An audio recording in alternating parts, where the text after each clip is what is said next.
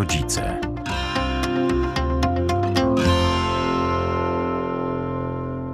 Dobry wieczór. Razem z nami w radiowym studiu Marta Brodowska, ratownik medyczny, mama Karoliny. Witamy. Witam cię, Magdo.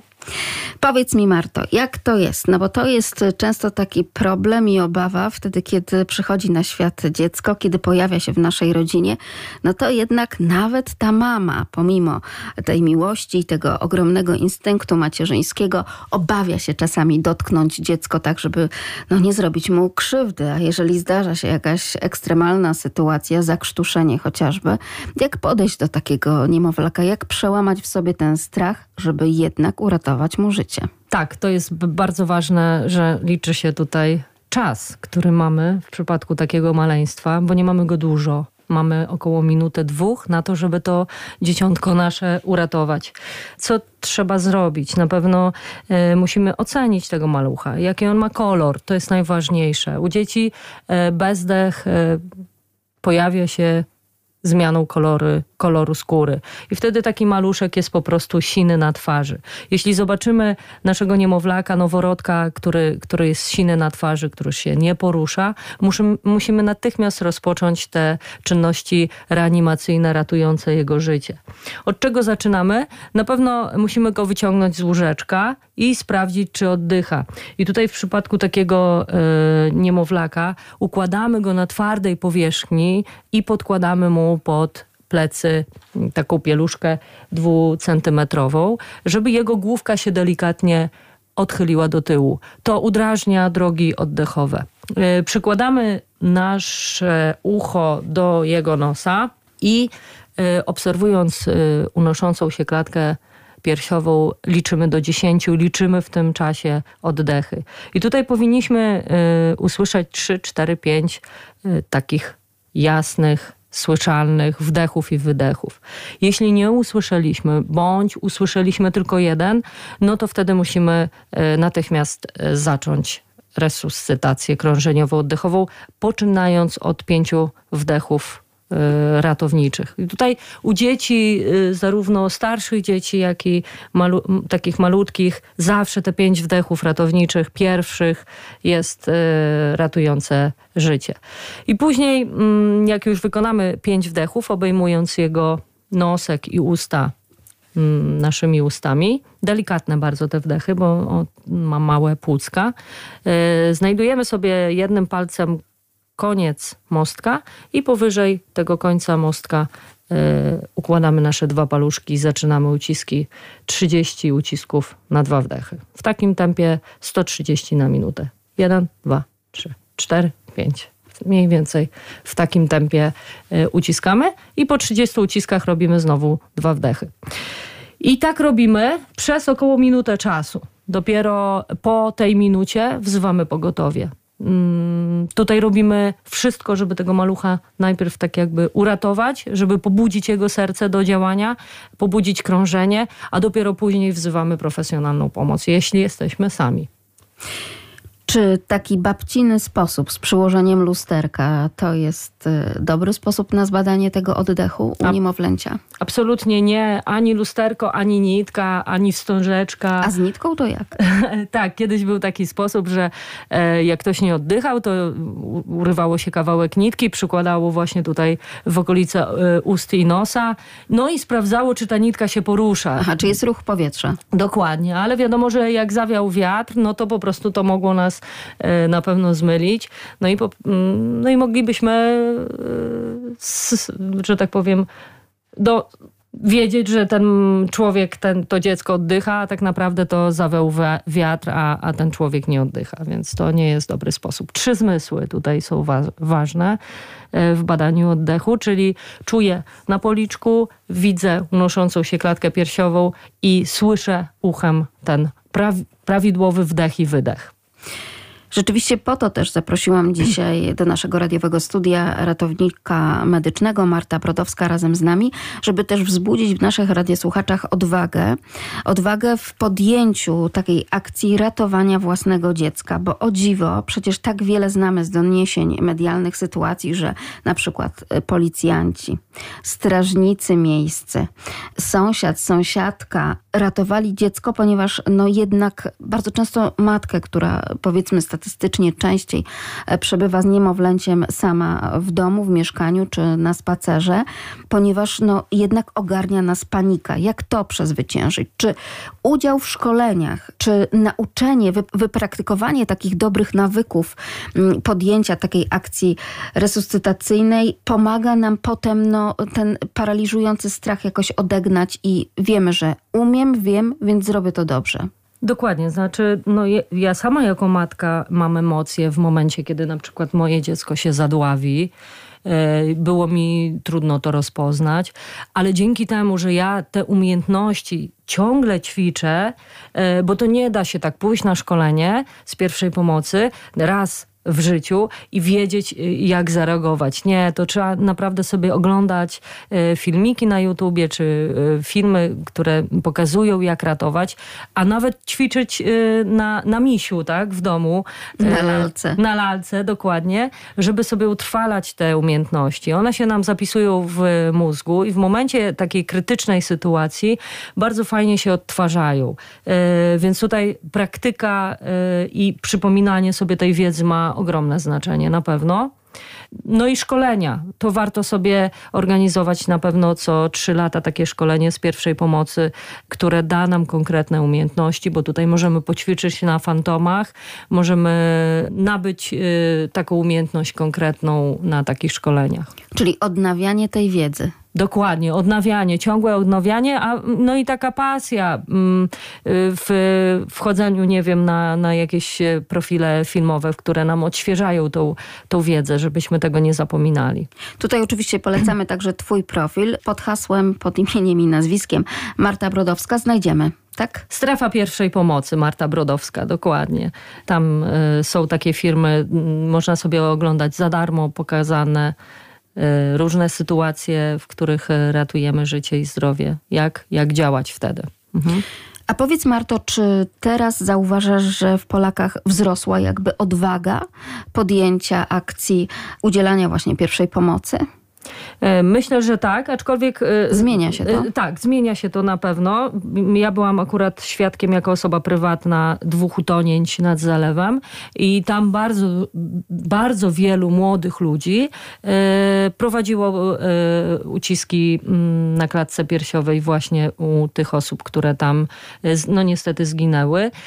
E, ale na przykład e, byłam też świadkiem wypadku samochodowego, gdzie znowu starsze osoby kompletnie nie wiedziały, jak się zachować i wręcz tą poszkodowaną, potrąconą na jezdni natychmiast podnosili. E, więc różnie. Myślę, że na pewno wśród ludzi młodych na pewno ta wiedza już jest szersza, bo szkoły stawiają na to, żeby tą pierwszą pomoc jednak, mm, jednak tą młodzież edukować z tego zakresu młodzież, a przejdźmy też do dzieci, bo znowu słyszymy o tym, że to dziecko ratuje życie swoim rodzicom, babci e, i to dzieci naprawdę w różnym wieku, nawet już te kilkuletnie. E, czy ty jako mama też stawiasz na to, żeby no, dziecko wiedziało, jak się zachować, żeby wiedziało, jak postąpić? To jest takie ciekawe moje doświadczenie e, pracy w przedszkolu, kiedy pracowałam właśnie z pięciolatkami i ja z nimi prowadziłam e, co tydzień takie zajęcia z pierwszej pomocy. I te maluchy po roku czasu, one, one były niesamowicie profesjonalne w tym e, odwzorowywaniu, na przykład ucisków, w obsłudze AED, tak, czego normalnie ludzie starsi nie potrafią i nie wiedzą. Wytłumaczmy słuchaczom, co kryje się pod tym hasłem. Automatyczny defibrylator zewnętrzny. To jest takie urządzenie, które jest dostępne w jakichś dużych e, skupiskach ludzi, gdzie na przykład jak zauważymy osobę, która nagle straciła przytomność, nie oddycha, to bardzo szybko trzeba takie AED do niej dostarczyć, mm, bo ona po prostu pobudza serce, wysyłając e, dawkę prądu elektrycznego. I przy urzędach także, tak? Tak. E, I wiem, że na przystankach są dostępne na dużych stadionach. Jest taki napis na zielonym tle mm, AED z takim piorunem. To jest bardzo ważny, y, ważny przedmiot, który naprawdę bardzo szybko ratuje życie ludzkie i użyty w ciągu minuty od zatrzymania krążenia jest w stanie w 80% uratować życie. I te dzieci one do, no, miały dostępny ten AED w przedszkolu i po prostu e, podłączały go sobie tam, bo to jest szkoleniowy, więc nie jest groźny. E, podłączały go sobie do fantomów i po prostu prowadziły uciski serca w rytm właśnie wydawanego dźwięku z tego urządzenia. E, potrafiły działać opatrunki w rękawiczkach, potrafiły e, mm, ustabilizować wbity nóż w klatkę piersiową nawet. E, do tego. No i w ogóle no, niesamowita wyobraźnia wtedy E, im się poruszała. I te dzieci rzeczywiście w przypadku, kiedy dzieje się coś takiego, one potrafią te umiejętności mm, bardzo łatwo odwzorować, bo nie mają takich emocji jak my, nie mają strachu, więc są w stanie e, wziąć telefon i na przykład zadzwonić po pomoc. Tak? I nie mają takiej projekcji, no bo mhm. mają też takiej wiedzy życiowej, że coś mogłoby ewentualnie się e, potoczyć, być może nie tak, ale chyba potrzeba do tego odwagi jednak, prawda? Dokładnie. E, dziecko, jak widzi, że jego mama się nie rusza, to ono się bardzo boi. I ono momentalnie jest w stanie y, znaleźć telefon i ono chce o tym komuś powiedzieć. Jeżeli ma zakodowane, że ma zadzwonić pod numer 112, to Albo ono wcisnąć po prostu jeden przycisk na telefonie, bo znamy też takich mhm. rodziców, którzy również tego typu szkolenia bezpośrednio e, swoim dzieciom robią, prawda? Tak. Wystarczy I... nacisnąć tutaj nad gwiazdką, tu pod gwiazdką. Mhm. Albo, albo ten numer, jak już y, dziecko jest y, y, trochę większe. No i dzieci są w stanie rozmawiać i podać bardzo ważne dane, podać adres. To warto dziecko uczyć, że mieszkamy pod takim, pod takim adresem, że mama leży, że się nie rusza. I rzeczywiście te dzieci ratują takim telefonem życie swoim rodzicom. To jest niesamowite. To może przypomnijmy, bo nigdy chyba tego przypominania dość, jak powinna przebiegać taka prawidłowa rozmowa z dyspozytorem pogotowia. E, na pewno musimy podać tutaj trzy rzeczy, tak? czyli e, wszystkie informacje, gdzie się znajdujemy, co mamy obok, co widzimy, dokładny adres. Jeśli jesteśmy w górach, e, to dobrze powiedzieć, że na przykład jesteśmy 10 minut od takiej nazwy schroniska, że 15 minut temu minęliśmy słupek z napisem góry, tak? z nazwą góry. Więc, czy szlaku. Czy szlaku, dokładnie. Tutaj podajemy wszystkie możliwe informacje, bo dla ratownika one są najistotniejsze, żeby wiedział, gdzie ma e, dojechać. Druga e, najistotniejsza informacja to jest to, żeby podać stan tego poszkodowanego, czyli e, jego jakiś orientacyjny wiek, płeć, no i czy oddycha, czy jest przytomny. To na pewno jest istotne. I trzecia rzecz, no mówimy o sobie, tak? bo to jest też dla dyspozytora ważne, że to na przykład dzwoni dziecko. On musi o tym wiedzieć. I absolutnie się nie rozłączamy. Czyli bardzo y, ważne jest to, żeby ten ratownik na przykład mógł w czasie takiej akcji nas instruować. On będzie nam mówił, co my mamy robić. Nigdy taki telefon także od dziecka nie jest bagatelizowany. Nie należy się też tego obawiać, że pomimo, że to telefonuje dziecko, ono, to zgłoszenie nie będzie bagatelizowane.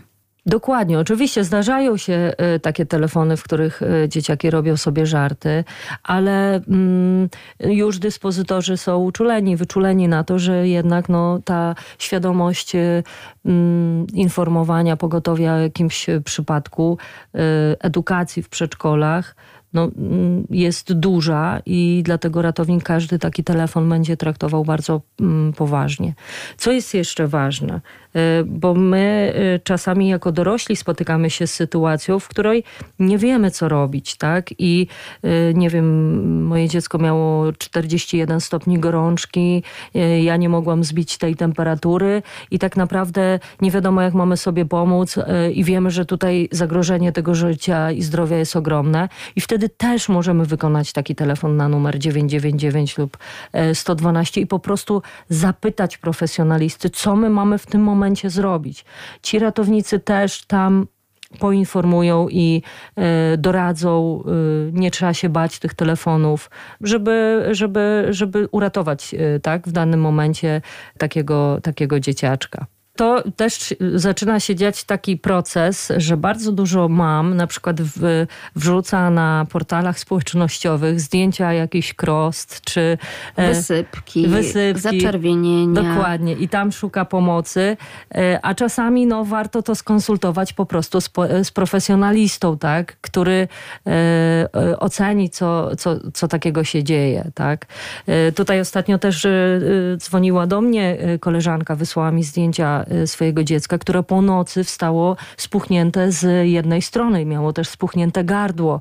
Y, więc tutaj mm, trzeba natychmiast y, podjąć takie specjalistyczne działania, a nie jak niektóre mamy radzą, żeby przyłożyć ocet, bo akurat w takim przypadku opuchlizny i takiej silnej reakcji uczuleniowej, no potrzeba jest, potrzebny jest lek, adrenalina, tak, który bardzo szybko mm, powróci do stanu normalnego. Więc Ważne jest to, żebyśmy e, w miarę, jak mamy taką możliwość, jest taki ciężki stan zagrożenia życia, jednak dzwonili na 999 i tam pytali o tą profesjonalną pomoc ta opuchlizna to była kwestia uczulenia na ugryzienie. Tak, dokładnie. Mhm. Teraz podczas tych wakacyjnych spacerów, przebywania w dużej ilości przyrody, tak? Mhm. Znaczy tak się y, zdarza, że my tak naprawdę nie wiemy, czy nasze dziecko jest uczulone i w momencie, kiedy y, ugryzie je, nie wiem, szerszeń, czy jakiś inny y, Ale owad. wystarczy nawet meszka. Jak bardzo agresywne są teraz te ugryzienia. Widzimy nawet mhm. po nas, po osobach dorosłych, kiedy to jeszcze te kilkanaście lat lat temu, no nie mieliśmy aż takich wyprysków skórnych, prawda? Po ugryzieniu takiego zaczerwienienia e, i takiej opuchlizny na przykład. Takie reakcje alergicznej, dokładnie. I tutaj ważne jest też, żeby takie sprawy też konsultować ze specjalistą, e, bo on nam podpowie, co tutaj e, zadziałać, a szczególnie jest to niebezpieczne w momencie, kiedy no jednak zmniejsza światło naszych dróg oddechowych, tak? Kiedy tutaj zagrożony jest oddech. Wtedy, jeżeli jeżeli wiemy, że nasze dziecko tak reaguje y, na mm, uczulenie, na jakieś ugryzienia, warto sobie przepisać y, adrenalinę w ampułkostrzykawce i mieć to przy sobie. Tak? Dzisiaj możemy podawać w pierwszej pomocy adrenalinę. Jest to lek ratujący życie. Ona działa kilka minut y, i na pewno do przyjazdu pogotowia, które poda drugą dawkę, no może uratować nam dziecko, tak? Jeżeli jest bardzo mocno uczulone na przykład na jad owocowy owadów. I jeżeli jesteśmy daleko, gdzieś głęboko na szlaku, czy gdzieś daleko w lesie po prostu od tych dróg dojazdowych dla karetki na przykład. Dokładnie. To warto e, sobie taką adrenalinę przepisać. Mamy do tego jak najbardziej prawo i e, ją nosić przy sobie. I dzieciaczkowi można też e, założyć na rękę taką plastikową opaskę z informacją, że jest uczulony, tak, że ma alergię, że podać adrenalinę.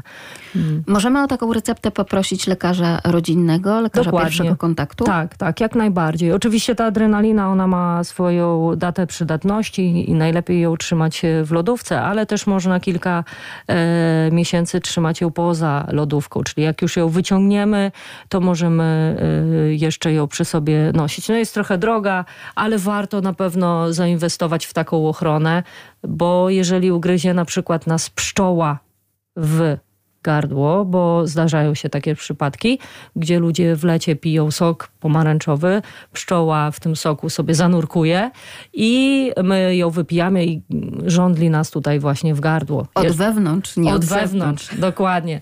E, tutaj, e, tutaj ja się zawsze śmieję, że w pierwszej pomocy bardzo ważne e, jest podanie lodów na ugryzienie pszczoły. Mm, do stania mogą być to kostki lodu albo zwykły jakiś lód. Oczywiście trzeba tutaj zwrócić uwagę na to, żeby nie podawać lodów mlecznych, bo ktoś może być uczulony na, e, na laktozę, ale e, podajemy lód i chłodzimy też z zewnątrz. Tak?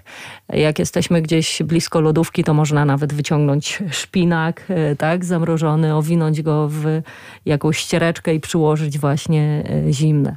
Jeśli widzimy, że taka osoba po ugryzieniu pszczoły pszczoły zaczyna mieć e, trudności z oddychaniem, to to miejsce zaczyna być zaczerwienione, e, ta osoba mocno łzawi, zaczyna nam e, kichać, no to wzywamy wtedy pogotowie, bo na pewno potrzebna jest tutaj adrenalina. Chyba, że mamy, to podajemy.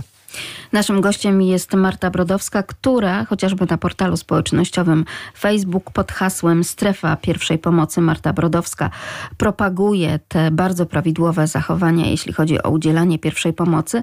Marta zjawiła się w naszym radiowym studiu z ogromną torbą. To jest akurat apteczka pierwszej pomocy, y, bo ona się y, różni od y, profesjonalnej torby ratowniczej, ponieważ tak naprawdę na ulicy ja jako ratownik mogę udzielać tylko pierwszej pomocy. Nie mogę podawać żadnych lekarstw. Nie mam tutaj niestety adrenaliny, ale mam lód. Mam opatrunki jałowe, mam koc termiczny, mam sól fizjologiczną, mam rękawiczki, mam maskę, mam bandaże, tak żeby móc tymi, tym sprzętem y, udzielić tej pierwszej pomocy, zanim y, dojedzie profesjonalna pomoc y, z ratownikami.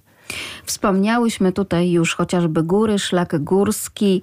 To jest bardzo istotne, żeby e, w momencie, kiedy się nie pojawimy w tym schronisku albo nie wykonamy tego telefonu do rodziny, e, ktoś zaczął się martwić, tak? Czyli to jest jakiś jasny sygnał, że o, o mieli być o 18 z powrotem, jest 20, nie ma telefonu, chyba będę musiał e, no, poruszyć się niebo i ziemię, żeby sprawdzić, co się z nimi dzieje. Czy z tego szlaku zeszli szczęśliwie? Dokładnie. No i przede wszystkim przygotowanie do takiej wędrówki tutaj to jest e, priorytet, bo e, bardzo często wychodzimy, jak jest ładna pogoda, zakładamy.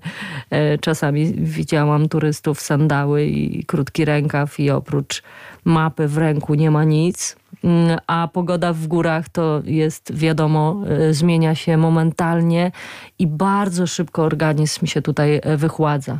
Ja mam tu takie bardzo fajny przedmiot, który warto mieć. Y, właśnie zaraz wyciągnę. On tak fajnie szeleści. Bardzo polecam do zabrania e, w góry właśnie koca termicznego. On w przypadku, kiedy na przykład, e, nie wiem, zleje nas deszcz i mamy mokre ubranie, e, okryjemy się właśnie tym kocem, on nas świetnie grzeje. Naprawdę, to jest rzecz, która działa, którą ja sobie wykorzystuję na różnych akcjach i w momencie, kiedy na przykład jest bardzo zimno na boisku, na którym stoję już kilka godzin i obstawiam medycznie piłkarzy, to taki koc zakładam na siebie. E, nic mnie tak fajnie nie ociepla, nie ogrzewa, jak właśnie taki koc e, termiczny. A wydawałoby się, że tylko taka no, niepozorna złotofolia. Dokładnie, a ma właściwości fenomenalne. Ale szczególnie chroni nas właśnie przed, e, mm, przed wiatrem, co jest, co jest ważne w górach, bo wiadomo, że jesteśmy na przestrzeniach, w których, w których wieje. To warto sobie do tej swojej, mm, do swojego plecaka wycieczkowego spakować z jednej strony złota, z drugiej srebrna. Czy te kolory mają znaczenie? Tak, aczkolwiek ja osobiście e, stosuję go tylko do ogrzewania, czyli e, okrywając poszkodowanego tą słoneczną, czyli złotą stroną do słońca. Ale jeżeli chcielibyśmy takiego poszkodowanego ochłodzić, szczególnie na przykład nad jeziorem, bo spotykamy kogoś, kto stracił przytomność, leży na słońcu, jest rozpalony, e, widać, że jest ofiarą udaru, to tutaj takiej osoby tym kocem nie przykrywamy absolutnie, bo on będzie też mimowolnie grzał ale można osłonić, tak jakby zrobić taką plandekę osłaniającą. Cień po prostu. Cień, dokładnie. Właśnie z tej strony srebrnej, czyli żeby ona odbijała to słońce od niego, e, ale nie przykrywać. To on ma takie dwie y, funkcje, ale ta druga nie za bardzo działa ochładzająco. A w naszym radiowym studiu Marta Brodowska polecamy zerknąć na strefa pierwszej pomocy. Marta Brodowska chociażby na portalu społecznościowym Facebook. E, szkole dzieci, e, dorosłych, e, firmy, ale też i pojedyncze osoby z zakresu pierwszej pomocy. Jest zapotrzebowanie? E, oczywiście, że jest. Tak. Teraz szczególnie e, młodzi ludzie, którzy wyjeżdżają jako wychowawcy na kolonie, czy mm, jako kierownicy potrzebują odświeżyć sobie taką wiedzę i właśnie piszą e, do mnie, czy nie mogłabym ich ekspresowo troszeczkę podszkolić, bo pewne rzeczy zapomnieli. Czyli nie dla dokumentu, tylko nie, wyłącznie. Nie, nie, właśnie tylko nie. Tylko dla umiejętności i dla wiedzy. Dokładnie, bo na przykład chcą wiedzieć, e, bo chcą sobie przypomnieć, bo się boją, bo będą pracowali z dziećmi dziećmi. Szczególnie teraz w koronawirusie ludzie mają różne pytania na temat pierwszej pomocy, bo wiadomo, że są zmiany pewne. Mm. A możesz powiedzieć w takim razie, jak jeszcze bardziej mhm. zadbać o bezpieczeństwo, bo okazuje się, że ta praktyka przekazywana przez wielu ratowników medycznych podczas szkoleń jeszcze sprzed pandemii, czyli rękawiczki i maseczka, teraz się stają standardem. Dokładnie. I to, jest, y, to są dwie rzeczy. Y, y, maseczka do resuscytacji mm, na tym człowieku, który nie oddycha, ale my możemy od tego odstąpić. Nie musimy tutaj w pierwszej pomocy wykonywać wdechów, tylko robimy sami uciski, posiadając rękawiczki i posiadając na twarzy maskę. Najlepsze, najlepiej maskę antywirusową, mm, w której będziemy bezpieczni no, w prowadzeniu tej, tych ucisków. Dlatego, że no jednak y, my bardzo mocno i silnie tutaj oddychamy. Potrzebujemy mm, dużo tutaj siły i powietrza, y, bo ten proces ucisków jest bardzo mm, wymagający dla naszego ciała. To nie jest tak, że to jest y, no, jak praca na siłowni, tak. Mm, także. No, kto to praktykował, ten wie, że można bardzo szybko nawet i zemdleć.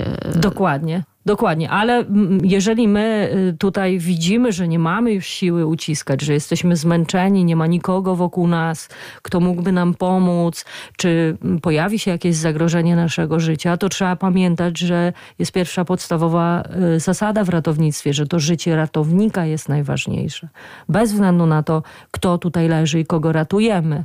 Czyli najpierw my musimy być sprawni i zdrowi, mhm. ci ratujący, żeby móc ratować tego, kto tego ratunku potrzebuje. Tak, i robimy to dotąd, do, do, do, dokąd y, mamy na to siłę. Jeśli opadniemy z sił, to mamy prawo oczywiście zrezygnować. Y, y, no bo takie uciski bezsilne, one po prostu no, nie dają nic temu poszkodowanemu.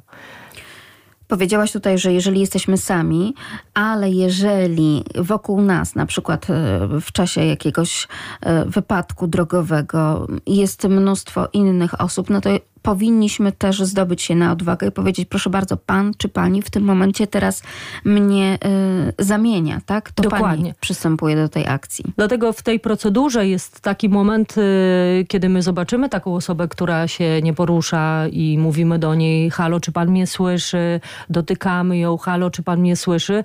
Mm, to już jak stwierdzimy mm, tą sytuację, że o, o, coś tutaj nie gra, ten e, poszkodowany się nie rusza, wyznaczamy sobie z tłumu właśnie taką osobę i mówimy jasnym takim komunikatem, proszę mi pomóc.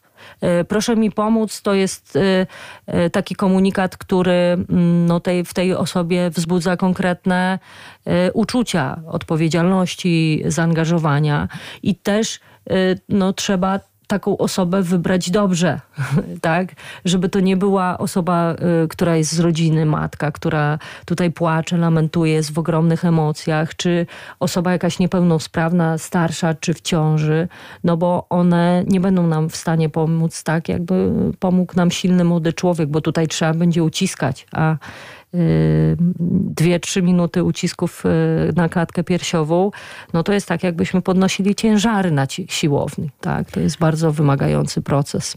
Spróbujmy omówić taką procedurę, no właśnie tak szkoleniowo. Jak to powinno wyglądać wtedy, kiedy mamy kogoś poszkodowanego na przykład na ulicy? Pierwsza rzecz, y, którą robimy, to musimy ocenić to miejsce, czyli e, czy ono jest bezpieczne, tak? Czy my możemy w ogóle tam podejść? Bo jeżeli jesteśmy na przykład w górach i koło tego poszkodowanego siedzi niedźwiedź, no to wiadomo, że tutaj nasze życie będzie zagrożone i nie bardzo możemy podejść. Musimy przeczekać tą sytuację na przykład. E, czy, e, nie wiem, mamy pana na budowie, który leży, a nad nim wiszą kable e, wysokiego napięcia. Wtedy też nie możemy podejść. Tutaj rozgrywa się w nas takie pytanie, czy ja jestem bezpieczny, czy mi się nic nie stanie, jak ja podejdę do tego poszkodowanego. To pierwsza taka sprawa. Druga, to musimy się zabezpieczyć. Mm, miałam taką sytuację, kiedy podchodziłam do e, poszkodowanego i on nagle wstał i był cały we krwi, tak? I się na mnie rzucił, bo był pod wpływem dopalaczy na przykład, tak? E, I ja musiałam go odepchnąć. I wtedy e, w tej sekundzie takiej, kiedy ja no, wykonuję te pierwsze ruchy, bardzo ważne jest zabezpieczenie siebie, Czyli e, nakładam rękawiczki. Tu mam takie rękawiczki. E, można sobie ten proces nakładania tych rękawiczek poćwiczyć, bo on wcale nie jest taki łatwy. Tak? Mm, dobrze sobie sprawdzić, czy te rękawiczki są dopasowane do rąk, żeby wybrać sobie odpowiedni rozmiar i je gdzieś e, nosić w torebce, w plecaku, w kieszonce. Bo one rzeczywiście nie mogą być za luźne. Nie mogą, bo nam po prostu spadną przy rozpinaniu bluzki, czy y, poszkodowanemu, czy opatrywaniu rany. Y, będzie nam bardzo trudno pracować w takich za dużych rękawiczkach. A w apteczkach takich standardowych bardzo często właśnie jest rozmiar M albo L. I dla kobiet szczególnie, które mają takie małe dłonie, no to te rękawiczki po prostu nam się zsuną. Ale kiedy to jest niesamowite, że nawet taki szczegół jest ważny, prawda? Mhm. I może zaważyć na tym ludzkim życiu. Dokładnie, bo będzie y, po prostu usprawniał ten proces nasz y, pomagania. Ok, jak już siebie zabezpieczyłam, jeżeli to jest ulica, to można nałożyć kamizelkę, postawić trójkąt. Y, Chodzi e, o odblask i ostrzeżenie. Tak? Dokładnie, dokładnie, żebyśmy byli widoczni. Robimy wszystko, żeby siebie zabezpieczyć. Mm, bierzemy oczywiście apteczkę, bierzemy maskę i tutaj też wybór maski jest ważny, bo najczęściej w apteczkach są maski takie foliowe. A ja polecam sobie kupić taką maskę z ustnikiem, która chroni nas w 99% przed aspiracją wymiocin. I tutaj w takiej masce z takim dmuchanym mankietem mm, jesteśmy po prostu bezpieczni. Aczkolwiek, tak jak mówię, teraz w e, koronawirusie nie musimy robić wdechów, także tutaj nie musimy mieć tej maski.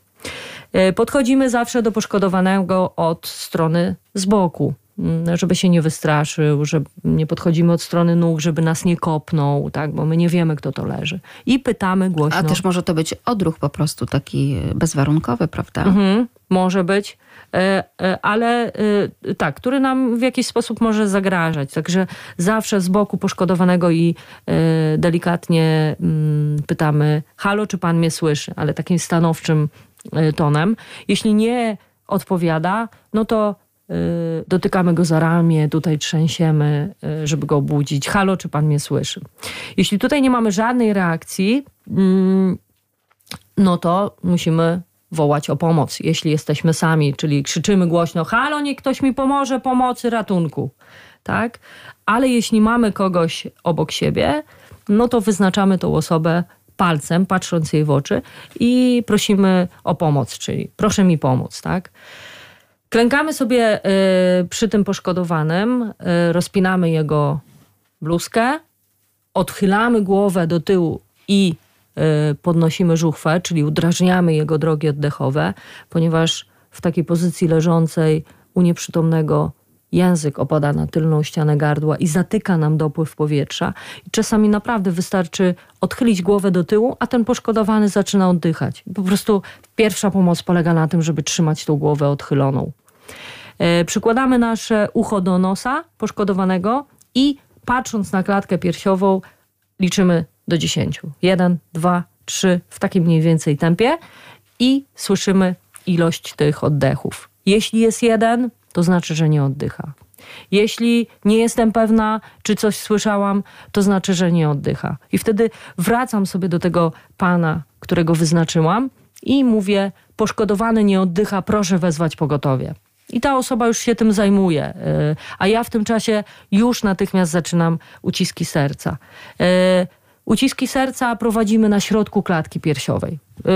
Y, tutaj już nic nie odmierzam, po prostu znajduję sobie środek klatki piersiowej, twarde miejsce na mostku, układam tą twardą część dłoni, prostuję ręce, jestem na kolanach i zaczynam uciskać do piosenki Bee Geesów E, Standing Line Align, można sobie posłuchać. To jest tempo bardzo dobre w tej piosence i ratownicy też na tej piosence uczą właśnie tego, tego, bo to tempo jest najistotniejsze w pierwszej pomocy. Po 30 uciskach biorę sobie maskę, znowu odchylam głowę do tyłu, zakładam maskę i wykonuję dwa delikatne wdechy. No i tą sytuację powtarzam do przyjazdu karetki pogotowia lub do opadnięcia sił, kiedy już nie mam siły. Przestaje, lub kiedy coś mi zaczyna zagrażać. Wiadomo, tutaj pierwsze miejsce ma moje życie, więc uciekam. No i do, w sytuacji, kiedy ten poszkodowany zacznie oddychać. Złota godzina się mówi w ratownictwie, czyli jeżeli mamy jakiś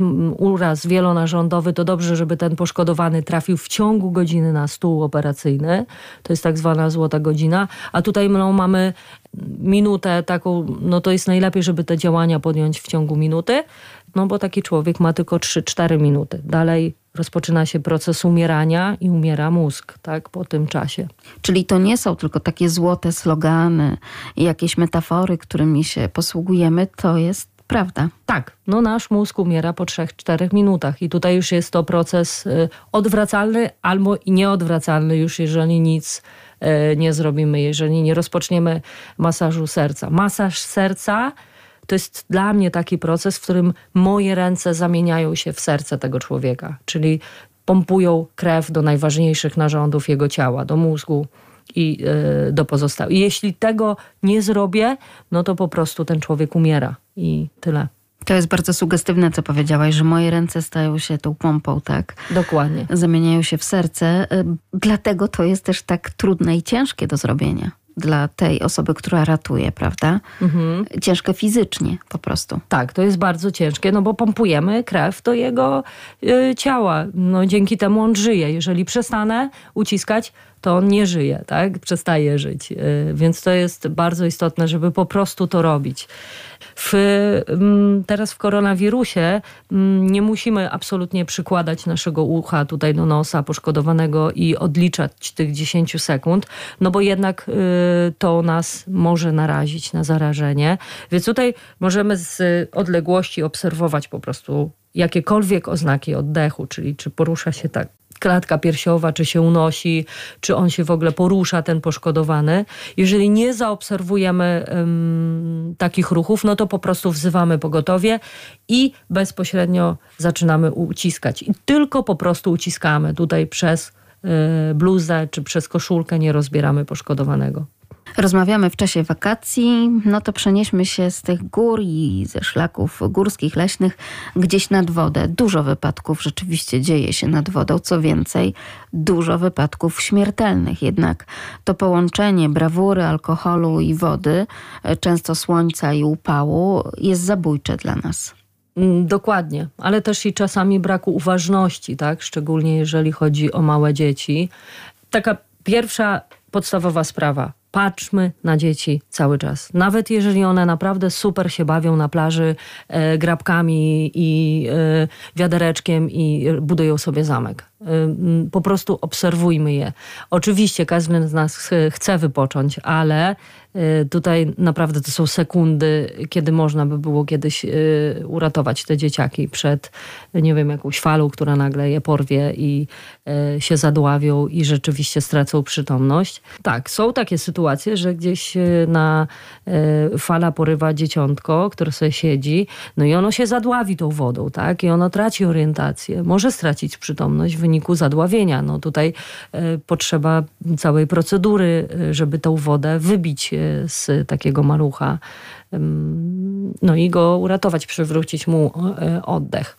Także tutaj no, najważniejsza jest ta profilaktyka i monitorowanie e, dziecka na, na, na plaży. Co Jak... takiego się dzieje w mhm. momencie, kiedy rzeczywiście stracimy jakąś osobę bliską e, z oczu, kiedy ona nie wyszła z tej wody, my nie wiemy, co się dzieje, była na kąpielisku. Na pewno natychmiast trzeba poinformować o tym ratownika, tak? E, on zapewne może wykorzystać osoby, które są tutaj w pobliżu.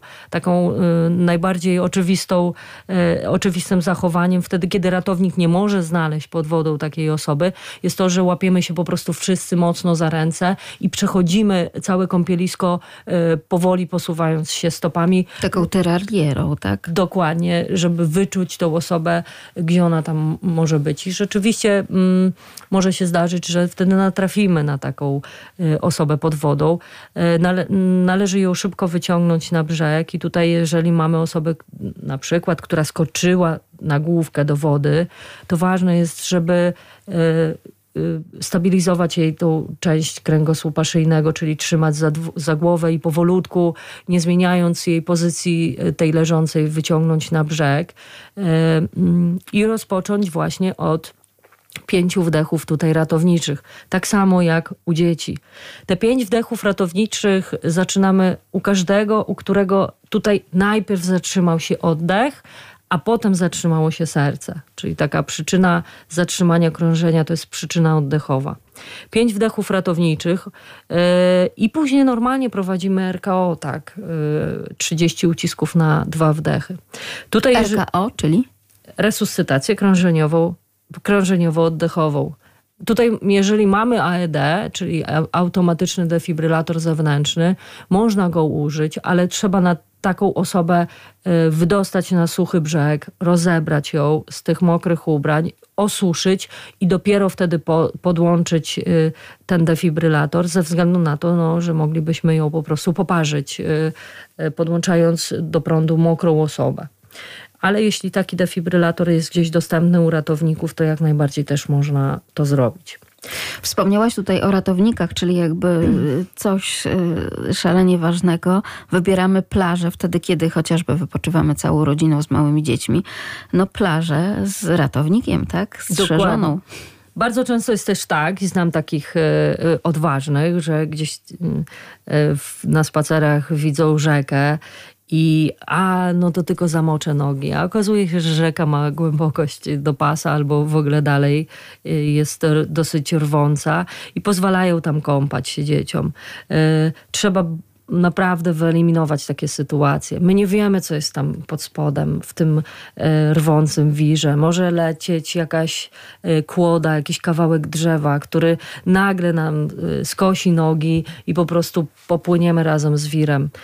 Wybierajmy takie, takie miejsca, w których mamy tą profesjonalną pomoc w postaci ratowników WOPR, bo jeżeli nawet stanie nam się coś takiego niezwiązanego z utonięciem, ale nie wiem, rozetniemy sobie y, stopę na y, wybitej butelce na szkle, czy mm, wpadnie nam osa y, do gardła, czy wbije się nam jakiś przedmiot do oka, to pamiętajmy, że tutaj od tych ratowników, bo oni mają profesjonalną apteczkę, też uzyskamy pomoc w takim zakresie, tak? To jest też ważne. Dużo mówimy o wycieczkach i e, o wakacjach w górach, e, nad wodą, a jeszcze porozmawiajmy na koniec o domu, o mieszkaniu, bo to tam podobno najwięcej różnego rodzaju wypadków się zdarza, zwłaszcza z udziałem dzieci. Jakie sytuacje mogą nas spotkać, nas jako rodziców w domu? Przyjmijmy na przykład oparzenie w kuchni. Dokładnie. Nawet ostatnio miałam taki telefon, gdzie mama dzwoniła, że dziecko dotknęło elektryczny czajnik y, y, i właśnie y, jest oparzone. No i prąd jeszcze tutaj poraził to, tego maluszka.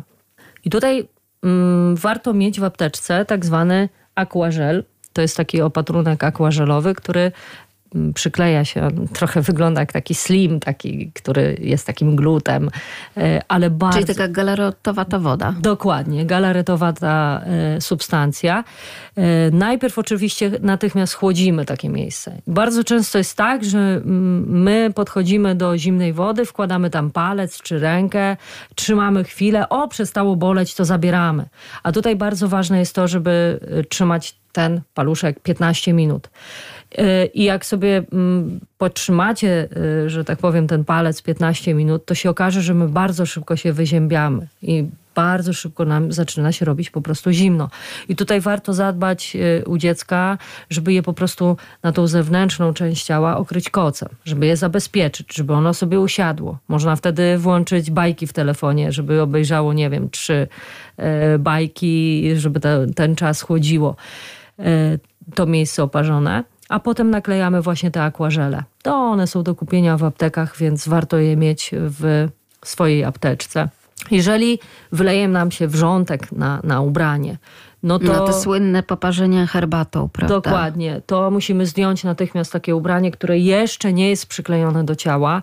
Jeżeli jest jeszcze się nie zespoliło ze skórą. Dokładnie. Jeżeli jest jakieś miejsce, w którym się do ciała przykleiło, to oczywiście odcinamy e, ten materiał naokoło nożyczkami, ściągamy i też chłodzimy 15 minut. E, jeśli to są oparzenia twarzy, narządów płciowych, czy takich miejsc zgięciowych, czy tutaj szyi, klatki piersiowej, to dobrze po schłodzeniu skonsultować się z lekarzem, mm, specjalistą. Na pewno bardzo często mamy zadają mi pytanie, jak mają niemowlaki, że na przykład zostawiły dziecko na wersalce i to dziecko spadło y, im i teraz się zastanawiają, jakie symptomy mogłyby mówić o tym, że coś jest nie tak.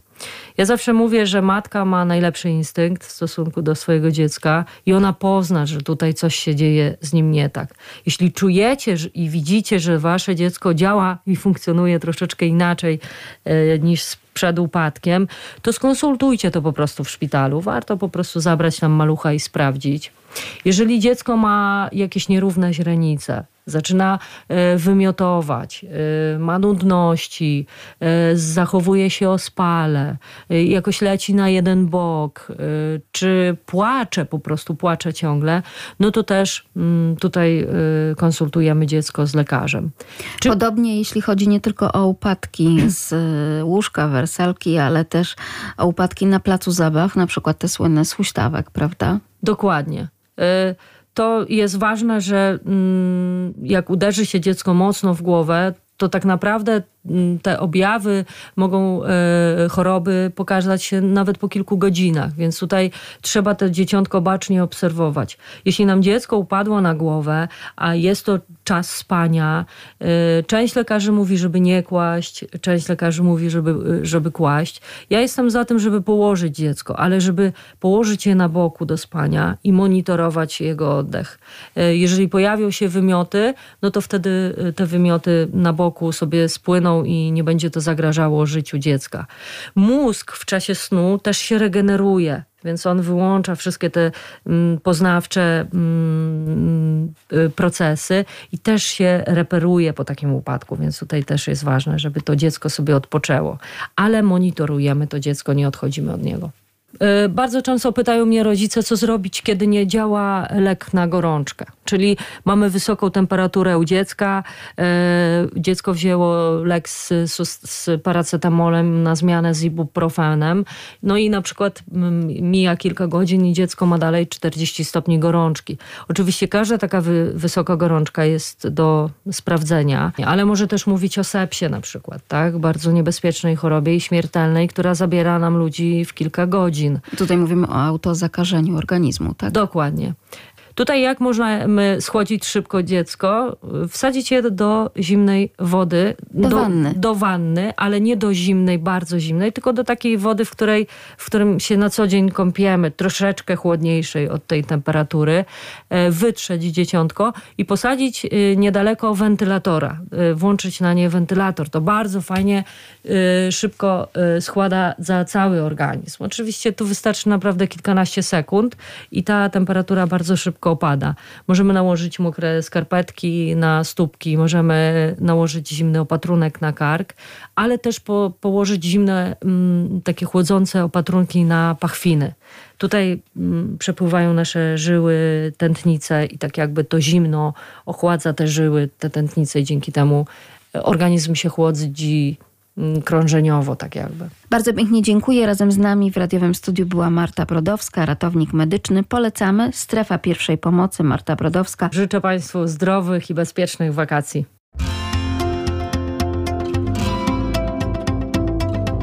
My, rodzice.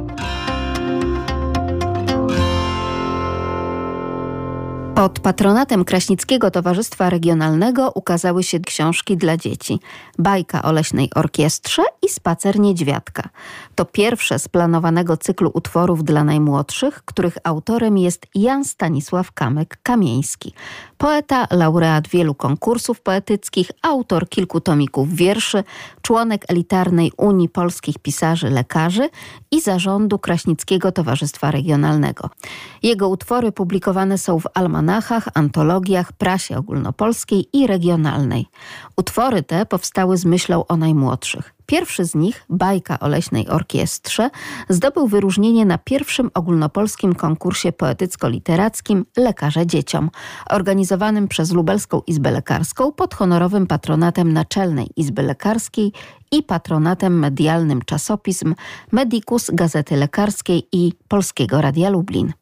Autorką ilustracji do książek Jana Stanisława Kamyka-Kamieńskiego jest Aleksandra Rak, absolwentka Wydziału Grafiki Akademii Sztuk Pięknych imienia Jana Matejki w Krakowie. Obrazy wykonane w jednej z tradycyjnych technik malarskich, akwareli, utrzymane są w niezwykle żywej palecie barw, znakomicie dostosowującej obraz do wymagającej wyobraźni młodego odbiorcy, niezwykle sugestywnie podkreślając tym samym klimat utworu. To bez wątpienia cenne i potrzebne publikacje promujące młodym czytelnikom stały kontakt z książką, zawierające niezwykle wartościowy podtekst wychowawczo-rozwojowy.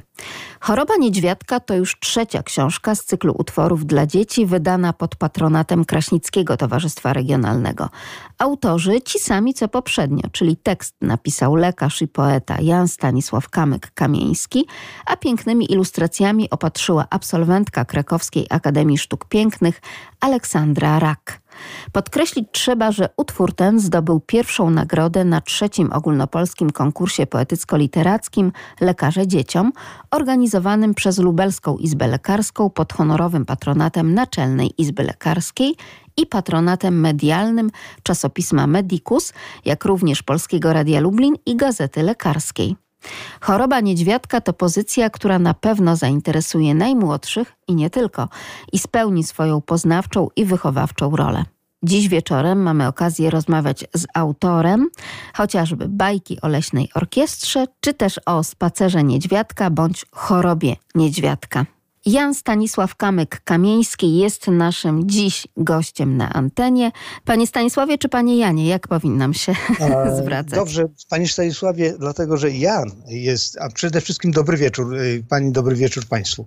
W dokumentach oficjalnych i wszelkich y, tego typu używam Jan Stanisław, ale nikt nie mówił do mnie Jan od dziecka. Zawsze byłem Stanisław i wszelkie odmiany tegoż, tegoż imienia były używane aż do dzisiaj. Także jeśli pani redaktor nie ma nic przeciwko temu, to wolałbym y, Stanisław. To będzie dla mnie takie naturalne. Panie Stanisławie, to jeśli mogę, to właśnie dopytam. To do kogo pan tak naprawdę adresuje te swoje książki dla dzieci? Do dzieci, czyli do kogo? Do swoich własnych, czy do wnucząt, czy do jakichś zaprzyjaźnionych? Kto jest takim pierwszym wyobrażeniowym dla autora adresatem? E, do wszystkich dzieci w wieku powiedzmy przedszkolnym i wczesnoszkolnym. Ja już y, nie mam takich małych dzieci, bo mój syn jest już bardzo dorosły, także, a małych dzieci także nie ma, więc tutaj adresuję to do, do, wszystkich, którzy, do których trafi ta książka.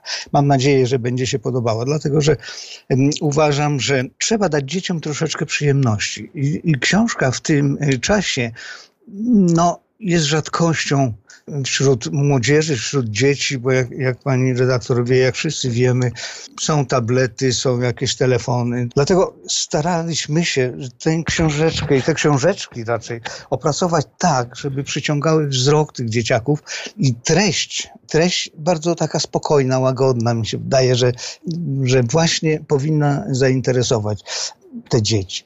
W wieku y, jak Biblioteka Narodowa określiła, to te książeczki są przeznaczone dla dzieci od 0 do 8 lat. Ale przypuszczam, że i starsze też mogą, dlatego że przesłania, które tutaj podaję, są takie bardzo uniwersalne, nie tylko dla dzieci, także i dla dorosłych. A to, jak zacząłem pisać te bajeczki, pani redaktor pozwoliła sobie przedstawić już moją jakąś tutaj historię pisarską, to cieszę się i dziękuję za to. A bajki to był zupełny przypadek, dlatego że w gazecie lekarskiej znaleźliśmy i w Medicusie takie ogłoszenie, że Lubelska Izba Lekarska organizuje właśnie taki konkurs Lekarze Dzieciom. Ja z zawodu jestem lekarzem, więc mam prawo tego typu konkursie uczestniczyć. No i wysłaliśmy przez przypadek tak pierwszą tą bajeczkę. No, powiedziałem, bo żona mi o tym konkursie powiedziała, ona pierwsza przeczytała, mówi, napisz bajeczkę.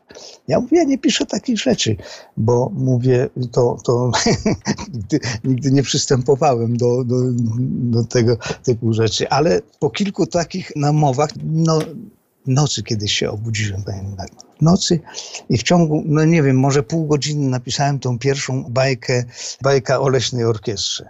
To no, był szok i dla mnie samego, i dla mojej rodziny, i, i dla znajomych. Ale bajeczka poszła na ten konkurs i zdobyliśmy tutaj wyróżnienie.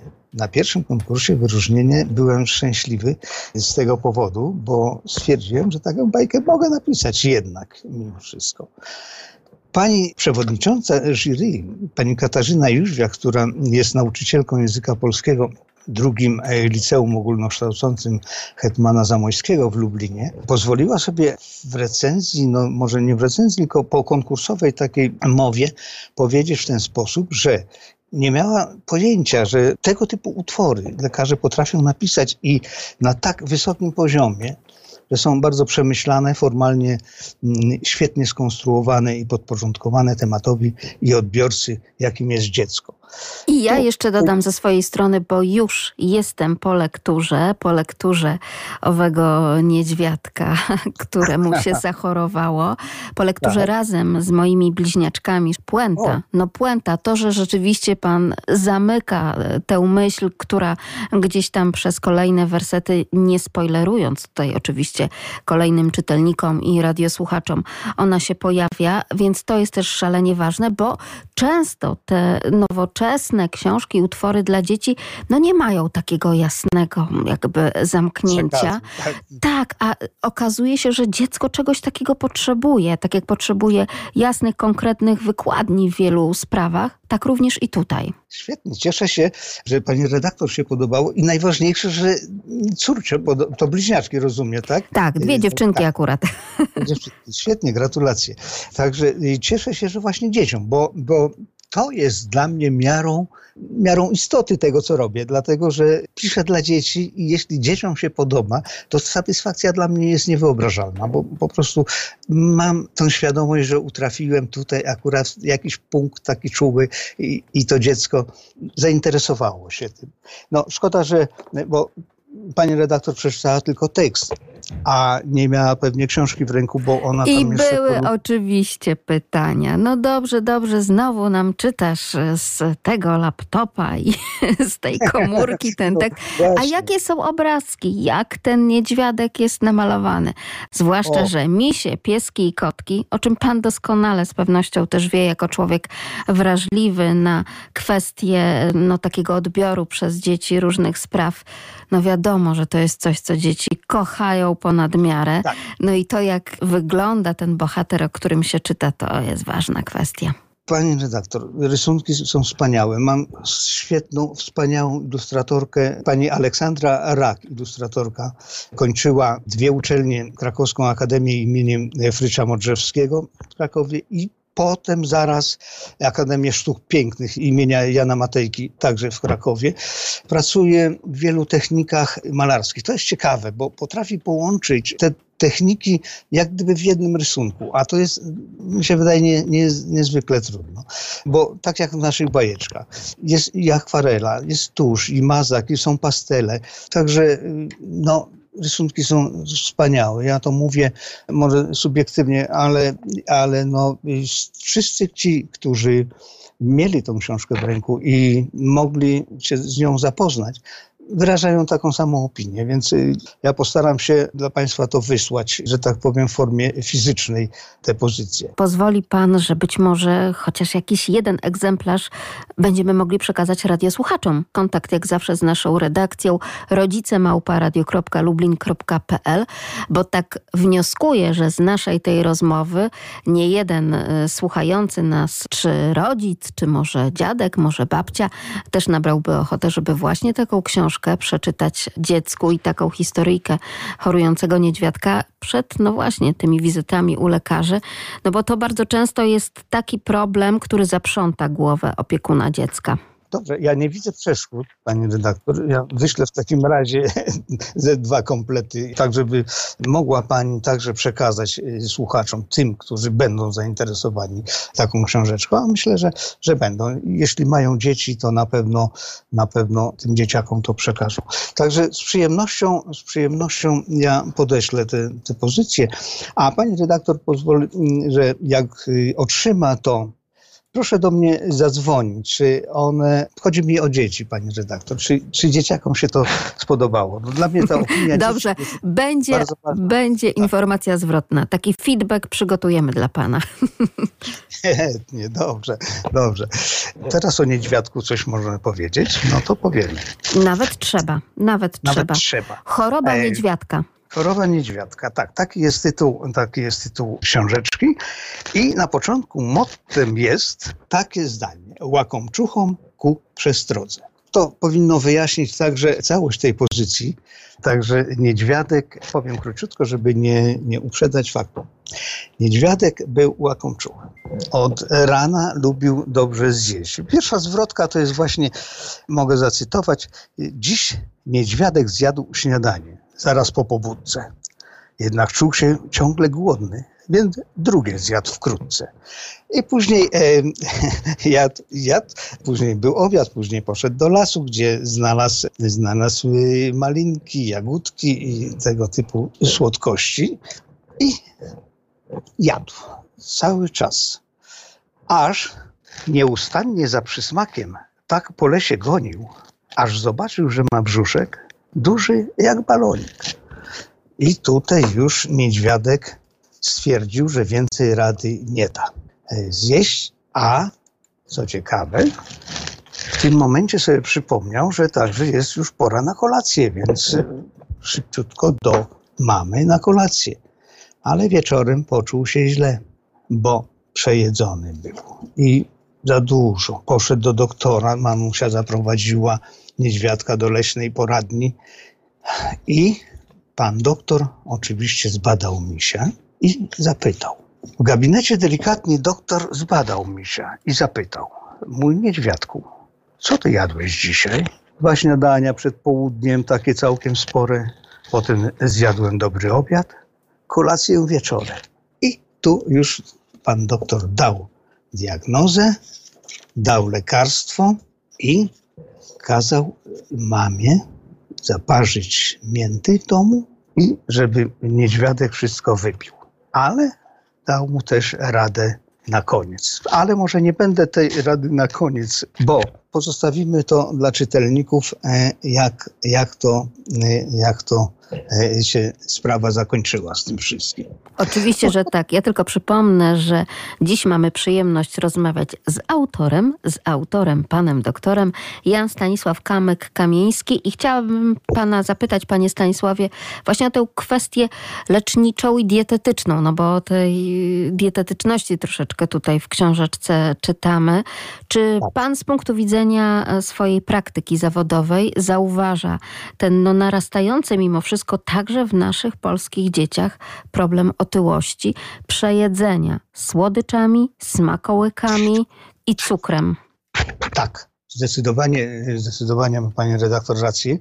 To występuje nagminnie i coraz, no coraz częściej się to widzi. Ale to nie tylko przejedzenie. To oczywiście to, to jest najważniejszy punkt, że te dzieci jedzą. I to jedzą dużo i, i rzeczywiście nie Dużo za dużo, prawda? Tak, niezdrowych pokarmów. Ale wiąże się to także z tym, że one nie mają ruchu. Pani zauważy, jest komputer, jest tablet, jest telefon, ona siedzi i ciągle wzrok ma tam skierowany. Bez ruchu, zupełnie. Przy tym także jedzą. A to chipsy, a to jakieś tam ciasteczko, a to jeszcze inne rzeczy. To jest niezwykle tuczące. I później w szkole jest e, badanie, czy lekarz bada, czy pielęgniarka i waży to taki dzieciak półtora raza tyle, ile powinien ważyć, czy nawet dwa. Rodzice, no to ja nie wiem, czy to jest zaniedbanie rodziców. Też chyba w jakimś, w jakimś stopniu też, ale i dzieci mają przykład od innych dzieci, częstują się nawzajem, e, a to cukierkiem, a to ciasteczkiem. No niestety, ale, ale tak to jest. Nie wiem, czy to, co może wpłynąć na to, żeby te zwyczaje zmienić. Chyba jakieś takie przykłady drastyczne trzeba by podawać tym dzieciakom. Może to, ale nie wiem, pani redaktor, no tendencja taka ogólnonarodowa, można powiedzieć. Ja byłem kiedyś w Stanach, widziałem te amerykańskie dzieci i w ogóle Amerykanów. Tam otyłość jest, jest ogromnym problemem. Jak czasem na jakieś reportaże zobaczy, to, to wszyscy mają tą wagę no, podwójną prawie, że. Ale widzę, że wchodzi to u nas. Nie wiem dlaczego. To a niestety. No mówią też, panie doktorze, że tak naprawdę to jest również kwestia związana z tą wysoce przetworzoną żywnością i tutaj być może też na początek edukacja, edukacja żywieniowa, edukacja tych pozytywnych nawyków żywieniowych, począwszy właśnie od szkoły. Nawet ta słynna tablica, nie wiem, czy pan kojarzy taką tablicę, tak. ile cukru jest tak naprawdę nie w cukrze, ale ile cukru jest w różnych produktach, począwszy od na przykład bułeczki kajzerki na śniadanie. Tak, zdecydowanie. Oczywiście cukier w zasadzie w większości pokarmów e, występuje, bo, bo to jest oczywiste. Ale cóż, tak, przetworzona żywność, ja nie przypuszczam, że sama w sobie w jakiś sposób wpływa, bo te badania są na różnym poziomie i różni badacze różnie to określają. Mnie się wydaje, że zjedzmy wszystko, ale zjedzmy to z umiarem tyle, żeby organizm nie był głodny, żebyśmy nie przeładowywali żołądków przy tym ruch. Więc zawsze, zawsze przypuszczalnie przypuszczalnie i ta sylwetka będzie zgrabniejsza i ta waga i no brak chorób, bo przejedzeniem czy nadmierną ilością jedzenia wiąże się bardzo dużo chorób. No, cukrzyca to jest tutaj taką e, przede wszystkim bazową, że tak powiem, chorobą, to, ale już sama otyłość przecież to, to też nie jest zdrowe. Takie dziecko ono się nie, nie rusza, ono nie ćwiczy. Czasem rodzice zwalniają takie dzieci z wychowania fizycznego. No to już błąd wydaje się kardynalny bo ono nie może. No nie może, no wiadomo, że nie może, jeśli, jeśli wygląda jak wygląda i waży ile waży. Tak to jest. Panie doktorze, ale nawet począwszy, ja tylko jeszcze tylko może dopytam, jakiej specjalności pan jest lekarzem medycyny? Jestem tak, stomatologiem przede wszystkim, ale o, no to, się... No tak, właśnie, tak. Chociażby począwszy od zębów, ale też mówimy o tym, jak bardzo cukier obniża odporność, prawda, dziecka na zachorowania, też. jakiekolwiek choroby.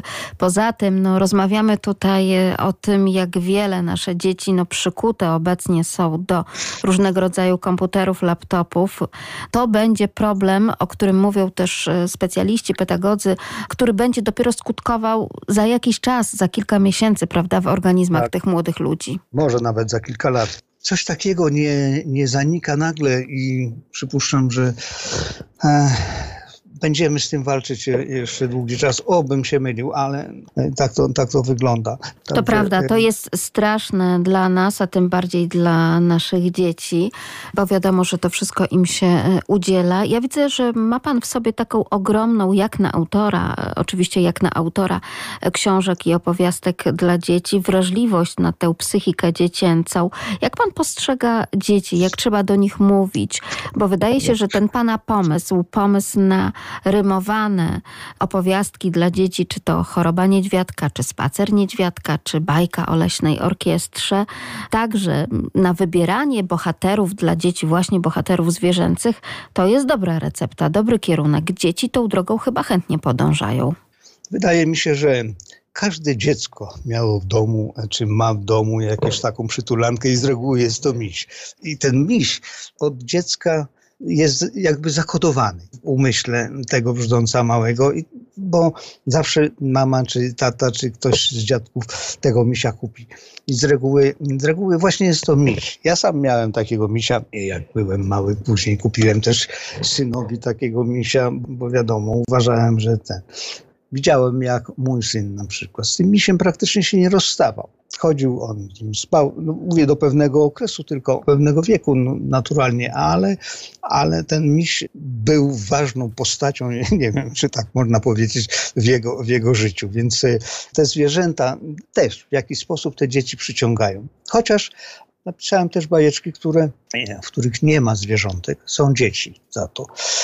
To będzie dwie książki takie. Jedna to Nasz Dom, która też wygrała na ostatnim konkursie. Tekst wygrał, e, pierwszą nagrodę zdobyłem na ostatnim konkursie. Mówi tak o ekologii, o czystości, o tego typu rzeczach. I jeszcze jedną taką mam, którą przygotowałem na konkurs teraz, na ten rok. To jest taka wyliczanka, lekcja liczenia podane w formie wiersza nauka liczenia do dziesięciu.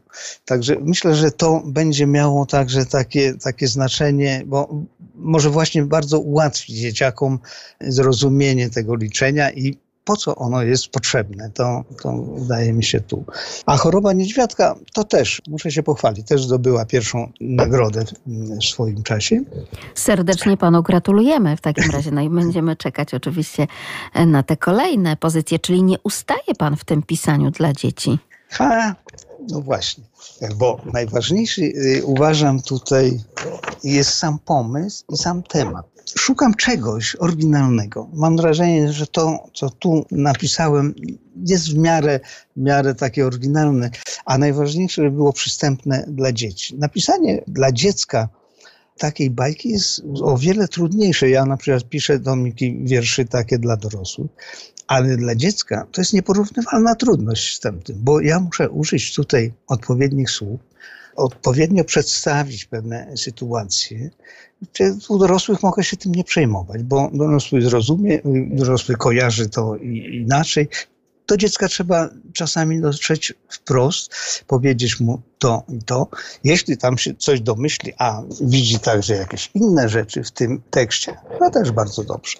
No, także te nagrody bardzo mnie ucieszyły. Bardziej, że tak, w jury, jak już wymieniłem, była pani, jest w dalszym ciągu pani Katarzyna Jóźwik, nauczycielka języka polskiego, E, naszych dwóch doktorów, pan doktor Michał Dudziński i Dariusz Hankiewicz, przewodniczący Komisji Kultury Lubelskiej Izby Lekarskiej.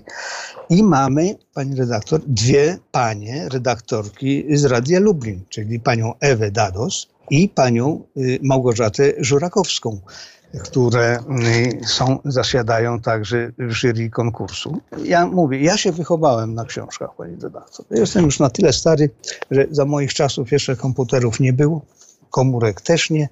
Także jak był telewizor w domu, no to już było bardzo dużo. Także y, czytałem. Czytałem, bardzo dużo czytałem i mówię, to mi zostało do dzisiaj, ale widzę, że młodzież w tej chwili różnie podchodzi do, do tych spraw. No niestety, czasy się zmieniają. Może to trzeba przyjąć za, za jakąś normę, ale jestem przeciwny ta, takiej normie, bo jednak y, uważałem, że książka ma swoje znaczenie i ona powinna być doceniana. Ale muszę panu powiedzieć, przypomnę, że naszym gościem na łączach internetowych jest Jan Stanisław Kamyk-Kamieński, że coraz więcej rodziców powraca do tego tradycyjnego wychowania, o którym pan tutaj opowiada, czyli do takiego książkowego wychowania. Coraz częściej w domach nowoczesnych rodziców nie znajdziemy telewizji. Jeżeli są oczywiście do pracy i do nauki zdalnej y, komputery czy laptopy, no to wiadomo, że tam rodzicowi troszeczkę łatwiej jest sterować czasem dziecka przebywającego przy tym właśnie nośniku.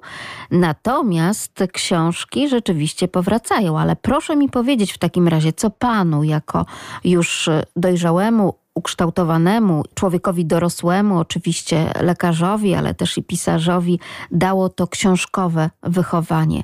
Jakie porady teraz mógłby Pan przekazać naszym rodzicom, radiosłuchaczom? Co dało? Jakąś taką wiedzę ogólną na pewno, dlatego że czytałem dużo, dużo książek z różnych dziedzin. Nie ograniczałem się do jakiejś, do jakiejś jednej dziedziny. Różne, co wpadło w rękę, więc czytałem. To były takie czasy, że no, książka była w zasadzie poza tam bieganiem po podwórku była jedynym, jedynym takim jedyną przyjemnością chyba w życiu, więc y, ja miałem zawsze taką dużą bibliotekę w domu, a zresztą nawiązałem zawsze do jakiejś tam biblioteki, więc taka wiedza ogólna na pewno jest istotna, ale także takie jakieś szczegółowe wiedzy, wiadomości też ważne. No nie miałem problemu na przykład, co dało czytać, nie miałem problemu na przykład na lekcjach języka polskiego, zarówno podstawówce, później w liceum, no, później na studiach to zupełnie co innego, bo to medycyna na lekcjach polskiego nie miałem. Miałem zresztą bardzo dobrą nauczycielkę, taką życiową nauczycielkę jeszcze z okresu, kończyła między okresie międzywojennym studia. To taka była pani poświęcona tym, temu swojemu zawodowi. Ona spowodowała, że polubiliśmy, bo nie tylko ja, polubiliśmy język polski, polubiliśmy y, uczyć się w ogóle, a to było jej takie motto życiowe, żeby te dzieci, żeby te dzieci właśnie w ten sposób ukształtować. To, to procentowało, procentuje chyba do dzisiaj to to, że zaczęliśmy się uczyć, bo w takim wieku w szkole różnie to bywa, jak, jak wiemy. A to się nie chce, a to nie ma czasu, a to jest zabawa, czy coś takiego. A myśmy się uczyli. I wtedy ja na przykład w klasie licealnej u nas było, bo jestem z takiego wyżu powojennego, było 44 osoby w jednej klasie. Taki ścisk. No niewyobrażalna liczba uczniów na dzisiejsze realia, prawda? Kiedy to rodzice tak, marzą tak. o tym, żeby dziecko się uczyło powiedzmy w dziesięcioosobowej, to już tak idealnie klasie. Tak, ależ ja to popieram i żeby, żeby było tak mniej w klasie, bo, bo rzeczywiście do tego dziecka nauczyciel bardziej dotrze, bardziej może go sprawdzić, czy właściwie mu pomóc nawet. Ale tak jak mówię, realia w tamtych czasach, kiedy ja chodziłem w latach 60. do liceum. No, niestety takie, takie przeładowanie, przeładowanie było. Wszyscy do tej wiedzy lgnęli, chcieli się uczyć, no i wiadomo, ilość miejsc i tak ograniczona. Na 44 osoby, pani Beata, to, to, jest, to jest rzeczywiście niewyobrażalne na, na dzisiejsze warunki.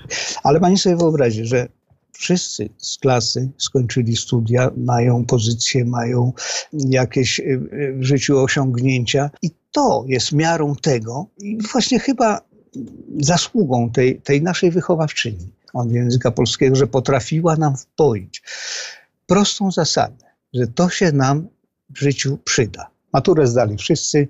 Widzę, jak te testy czy maturalne nie zdaje 30%, czyli gdzieś tej młodzieży. A u nas tak nie było. No, to, nawet to świadczy, świadczy o, o, o, o zaangażowaniu naszym w, to, w tą naukę. No, oby, oby ta młodzież też miała takie podejście, jak myśmy mieli, bo wiedza zawsze się przyda. Jeszcze odwołując się do Pana wiedzy i doświadczenia, do Pana profesjonalizmu, jeśli chodzi o te doświadczenia jako lekarza stomatologa, jak Pan ocenia ten stan uzębienia dzieci i młodzieży teraz współcześnie? Jak to z Pana perspektywy lekarza wygląda, bo ja pamiętam takie sytuacje, kiedy to miałam zaproszenie z radiowym mikrofonem do grupy przedszkolnej.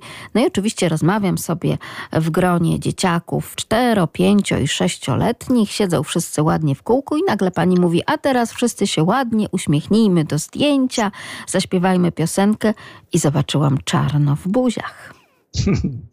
tak, to prawda. To prawda, ale to jest wina też tego żywienia i nie ma nawyków u dzieci, powiedzmy, tej higieny. Ale niech pan, bo ja widzę, że pan bardzo tak dyplomatycznie. No skąd ma się wziąć nawyk u dziecka, jeżeli on nie weźmie się najpierw od tej praktyki, od rodzica po prostu? Tak, ja już nie chciałem tego mówić, ale, ale to, jest, no to jest właśnie, to jest zadanie dla rodziców. Nauczenie dziecka tej higieny podstawowej no to uważam, że to jest sprawa no, istotna w życiu i później, później będzie to procentowało. No, dziecko faktycznie, tak jak pani redaktor mówi, uśmiech czarny. No, w tym wieku jeszcze to jest, to jest uzębienie jeszcze mleczne. Ale no właśnie tym bardziej, tak? Bo jeżeli na tych powiedzmy mlecznych się nie nauczy, no to potem już jaś na tych stałych A, chyba nie do końca będzie umiał i będzie to praktykował. Dziecko musi, musi być samodzielne. Od najmniejszego brzdąca. Najpierw trzeba to, no rodzice powinni to przyzwyczaić dziecko. Jeśli nie umieją, niech popatrzą, teraz y, są różne programy, można to zobaczyć. Y, robić to najpierw w formie zabawy chyba będzie z uśmiechem, z radością, jak coś nie wyjdzie, no to żeby nie strofować tego dzieciaka, tylko nawet pokazać na sobie, czy wtedy dziecko widzi, że rodzic robi i jemu się nic nie dzieje, bo czasem on nie chce, bo się boi. Ale jak zobaczy, że y, mama czy tata y, myje te ząbki i pokaże, jak to zrobić, da szczoteczkę do rączki, czy da troszeczkę pasty, można tu mówię, w formie zabawy wesołej i, i powolutku. Nie przyzwyczaić na siłę, żeby to wszystko. Dziecko będzie w stresie biorąc później szczoteczkę do ręki, ono będzie w stresie, będzie się bało, że zrobi coś nie tak, czy co. To nie, nie wolno stresować. Ono zrobi może tam na początku źle, na pewno zrobi źle, ale trzeba zdecydowanie i powolutku wpajać w to, wpajać w to tego malucha. Później wejdzie to w taki nawyk, że dziecko samo będzie wołać szczoteczkę przed snem, bo nie pójdzie spać, bo nie umyło ząbku. Ja oczywiście wiem, bo takie przykłady miałem w swojej praktyce. Uczyliśmy i dzieci, zalecaliśmy rodzicom, pokazywaliśmy, jak to wygląda.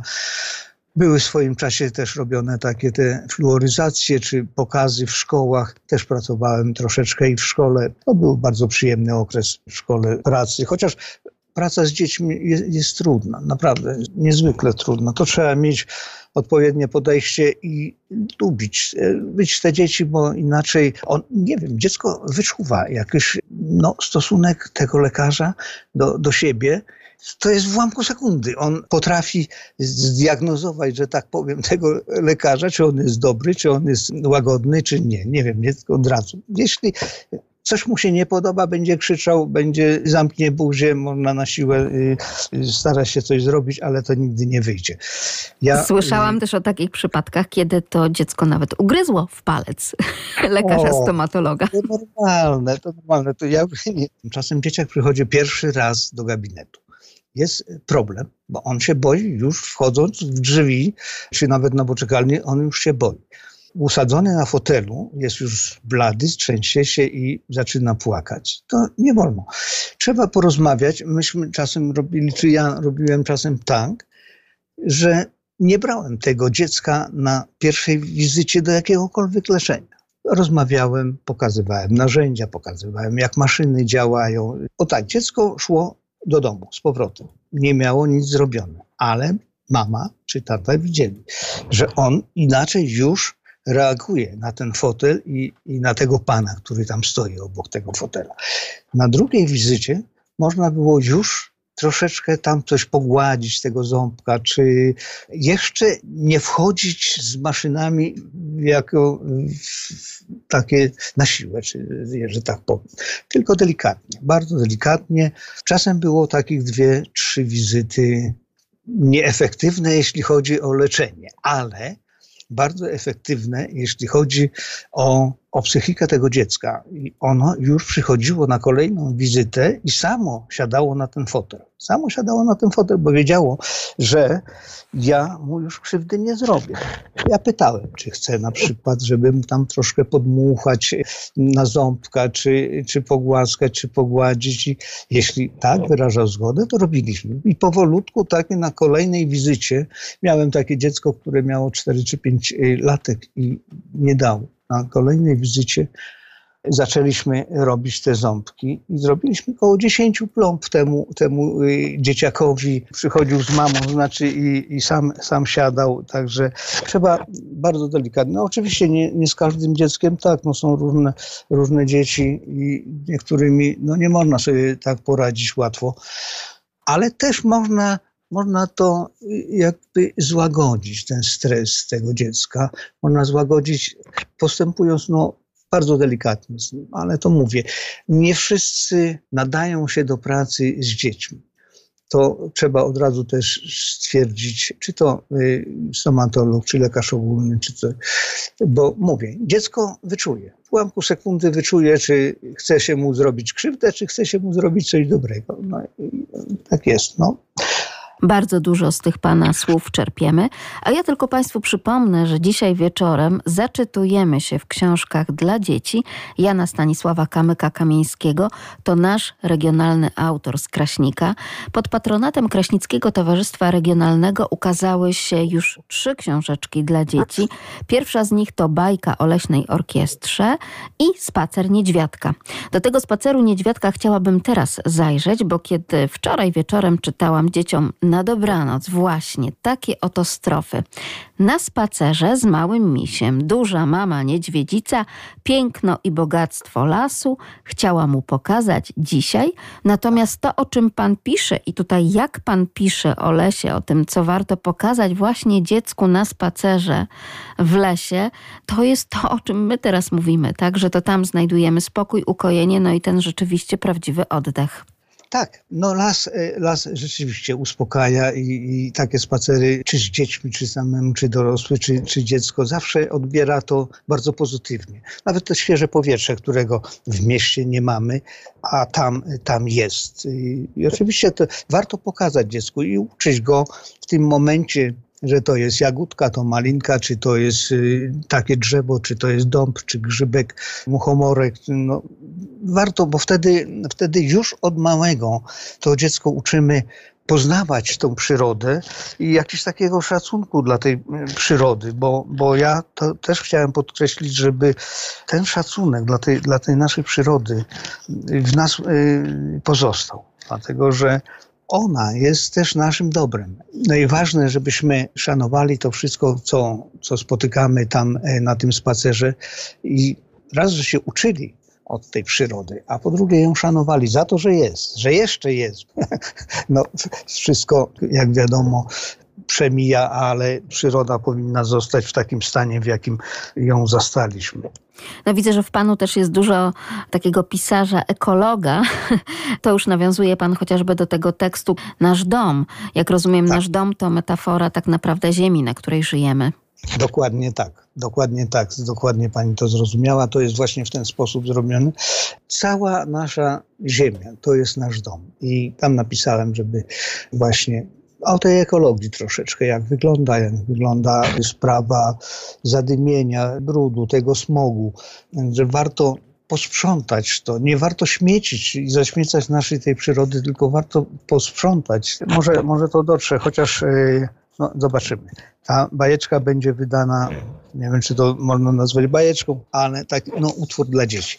Powiedzmy, w tej chwili nasza rysowniczka, ilustratorka pracuje nad e, przygotowaniem pięknych ilustracji do, do tego. Mam nadzieję, że też się będzie podobało. Te trzy pozycje, które wydałem do tej pory, no, miały tutaj bardzo pozytywny oddźwięk, nawet właśnie ze względu na te ilustracje. Ja już pomijam teksty swoje, ale ze względu na ilustracje.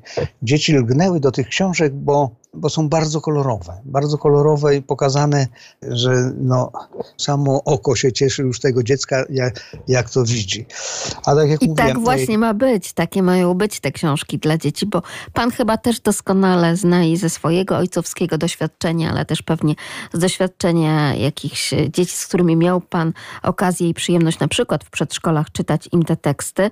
Przecież dziecko przekręcając kartę za kartą od razu pyta, a tu jaki obrazek, a tu jak to wygląda, czy tutaj tekst opisywany zgadza się z tym rysunkiem, czy na pewno włosy są takiego koloru, jak w opisie tekstu i tak dalej, i tak dalej. Wiadomo, że dziecko najpierw, zanim czyta i składa, sylabizuje literki, czyta obrazkami po prostu.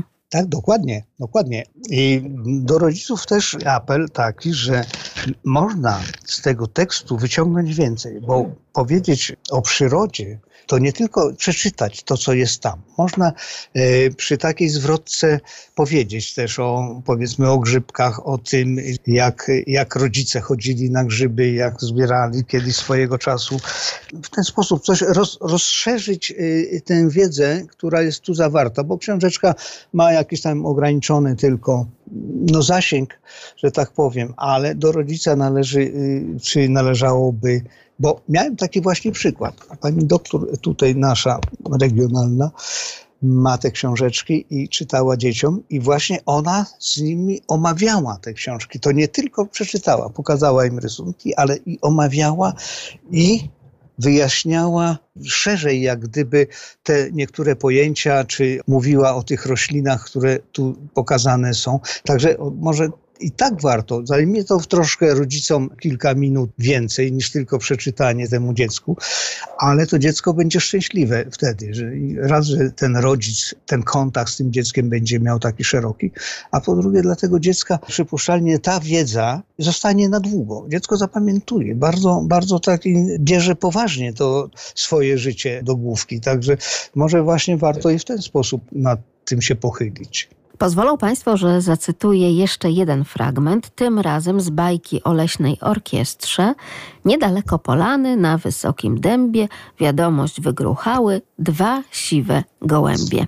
Tak starałam się oddać tę melodyjność rymu i rytmu, które Pan tutaj zawarł i właśnie o tę poetyckość tym razem chciałabym Pana zapytać, bo coraz częściej te nowoczesne książki dla dzieci to przede wszystkim wiersz biały, zupełnie nierymowany, bądź też po prostu narracja, która no, czasami troszeczkę jest dostosowana do jakiejś takiej lekkiej poezji, ale niekoniecznie. Częściej jest to po prostu proza troszeczkę gdzieś ta poezja funkcjonuje tak na uboczu teraz w ostatnich latach, pomimo tego, iż klasyka od Tuwima po Brzechwę i przez Konopnicką sięgając, nadal, jeśli chodzi o dziecięcy odbiór literatury, trzyma się mocno, ale proszę powiedzieć, dlaczego podjął się Pan tej trudniejszej, wydawałoby się, formy przekazu i trafiania do młodego czytelnika, czyli do tej formy poetyckiej.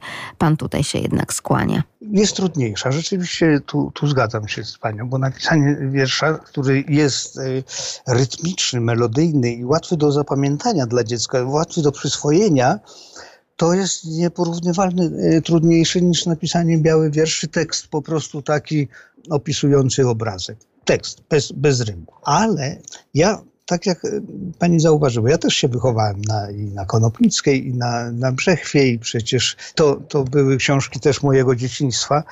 E, może to też jakoś wpłynęło na to, nie wiem, może gdzieś tam podświadomości mam, mam mm, jeszcze to zakodowane, że, że właśnie tego typu treść wchodzi łatwiej do głowy i łatwiej ją zapamiętać. Ja do, do tej pory niektóre te wiersze pamiętam z tego dzieciństwa, to znaczy, że one, one docierały docierały. One docierały. I tutaj jest dziecku też łatwiej zrozumieć i łatwiej e, powiedzmy e, słuchać e, nawet, jeśli ktoś czyta, takiego rytmicznego, melodyjnego mm, głosu, bo łatwo zapamiętać, a ono wtedy to dziecko kojarzy dużo, dużo łatwiej dużo łatwiej. Tu w tej książeczce Bajka o Leśnej Orkiestrze starałem się dobrać, bo tu są same zwierzątka, starałem się dobrać głosy tej orkiestry do poszczególnych, czyli głosy poszczególnych zwierzątek, do poszczególnych instrumentów. No, mam nadzieję, że mi się to udało, bo kilka osób już mówiło, nawet muzycy, że dobrze to, że dobrze to zrobiłem. Więc tutaj taka duża satysfakcja dla mnie, że, że udało mi się napisałem. Sowa mieszkająca w ciemnej stronie lasu, pochukując, przyjęła funkcję kontrabasu. Albo piękna ruda wiewiórka nie śpiewa niestety, ale chrupiąc orzechy, brzmi jak kastaniety. To trzeba by dziecku wyjaśnić, e, co to są kastaniety. Albo e, zagrać nawet na nich, jeżeli gdzieś mamy a, pod ręką. no tak, albo zagrać. I to wtedy, no rzeczywiście, wiewiórka nie śpiewa, jak wiemy, ale chrupiąc to, te kastaniety słyszymy, bo to ten dźwięk. No to jest tu... bardzo radiowy wiersz. Już sobie wyobrażam, jak mógłby zostać udźwiękowiony przez naszych mistrzów realizacji dźwięku. Na na przykład o, e, bardzo, w słuchowisku. Tak. Można. Ja też myślałem, że takie coś zrobić, bo dźwięki zwierząt możemy, możemy y, przecież y, pozyskać, że tak powiem. A e, na pewno przy czytaniu, gdyby gdzieś w tle jeszcze ten dźwięk, dźwięk powiedzmy tego zwierzątka się pojawiał, no to naprawdę by byłoby słuchowisko rzeczywiście radiowe bardzo piękne. Bo na przykład tutaj też miałem takie. Dzięcioł czarny zjawił się razem z kuzynami. Z niebywałą ochotą zajął się bębnami. Bo wiadomo, dzięcioły kują. Bębnią. Bębnią, tak. I, I tutaj dlatego mówię, że starałem się dobrać te zwierzątka do odpowiednich instrumentów. Tutaj akurat do, do tych bębnów. No ale polecam też, żeby, żeby no i dzieci to zobaczyły. No zobaczymy. No, y, jeśli się spodobają, to będzie dla mnie no, ogromna satysfakcja, bo jako autora no, Trudno nawet to powiedzieć, pan redaktor, ale nie ma nic, y, nie ma nic piękniejszego dla autora niż y, taki bajek, niż ta radość dziecka, która, czy, czy ta satysfakcja, y, że, że to dziecko to wysłuchało i ono podobało jej się to. To jest, to jest właśnie taka miara, miara tego sukcesu ten, tych bajek, tych, czy, tych, czy tych utworów dla dzieci.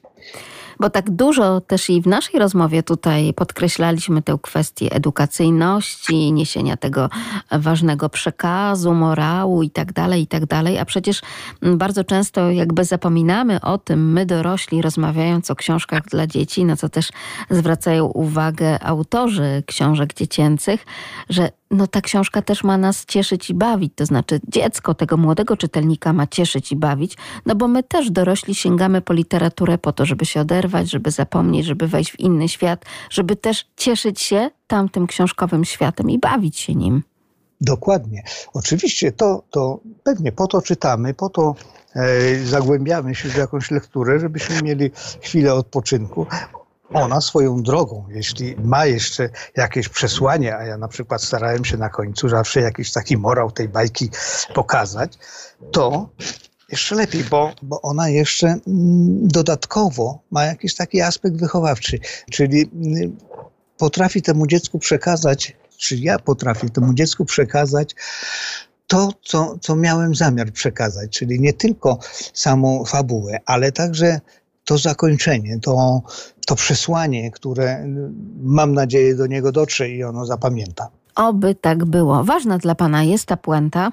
Bardzo, bardzo. Czasami jest tak, że zanim napisałem, tu chyba dwóch miałem takich przypadków, zanim napisałem całą tą treść, to miałem już zakończenie, czyli jak gdyby treść dostosowywałem do, do tej puenty, do, do tego murału. Ale to już było łatwiejsze, bo najbardziej istotne właśnie było to dla mnie to przesłanie, żeby nie zostawiać tej bajki kończącej się niczym tylko żeby ono miało to puentę, miało ten finał, yy, miało ten finał yy, i, i dotarło ewentualnie do tego dziecka. To dla mnie były cele a naszym rozmówcą był Jan Stanisław Kamyk-Kamieński, poeta, laureat wielu konkursów poetyckich, autor kilku tomików wierszy, członek elitarnej Unii Polskich Pisarzy Lekarzy i zarządu Kraśnickiego Towarzystwa Regionalnego, także członek Rady Programowej Instytutu Genealogii. Jego utwory publikowane są w almanachach, antologiach, prasie ogólnopolskiej i regionalnej, a dziś rozmawiamy o utworach, które powstawały z myślą o najmłodszych. Pierwszy z nich to bajka o leśnej orkiestrze, który zdobył wyróżnienie na pierwszym ogólnopolskim konkursie poetycko-literackim Lekarze Dzieciom, organizowanym przez Lubelską Izbę Lekarską pod honorowym patronatem Naczelnej Izby Lekarskiej i patronatem medialnym czasopism Medicus, Gazety Lekarskiej i Polskiego Radia Lublin. Autorką ilustracji do książek Jana Stanisława Kamyka-Kamieńskiego, do tych książek dla dzieci jest Aleksandra Rak, absolwentka Wydziału Grafiki, specjalistycznej specjalizacja grafika warsztatowa Akademii Sztuk Pięknych imienia Jana Matejki w Krakowie. Obrazy, które możemy podziwiać na ilustracjach, wykonane są w jednej z tradycyjnych technik malarskich, akwareli, utrzymane są w niezwykle żywej palecie barw, znakomicie dostosowującej obraz do wymagającej wyobraźni młodego odbiorcy, niezwykle sugestywnie podkreślając tym samym klimat utworów autora Jana Stanisława Kamyka-Kamieńskiego. Bardzo pięknie dziękuję dziękuję za tę rozmowę dla rodziców o książkach dla dzieci, panie Stanisławie. Oczywiście czekamy na te kolejne utwory, które będzie pan kierował do najmłodszych czytelników.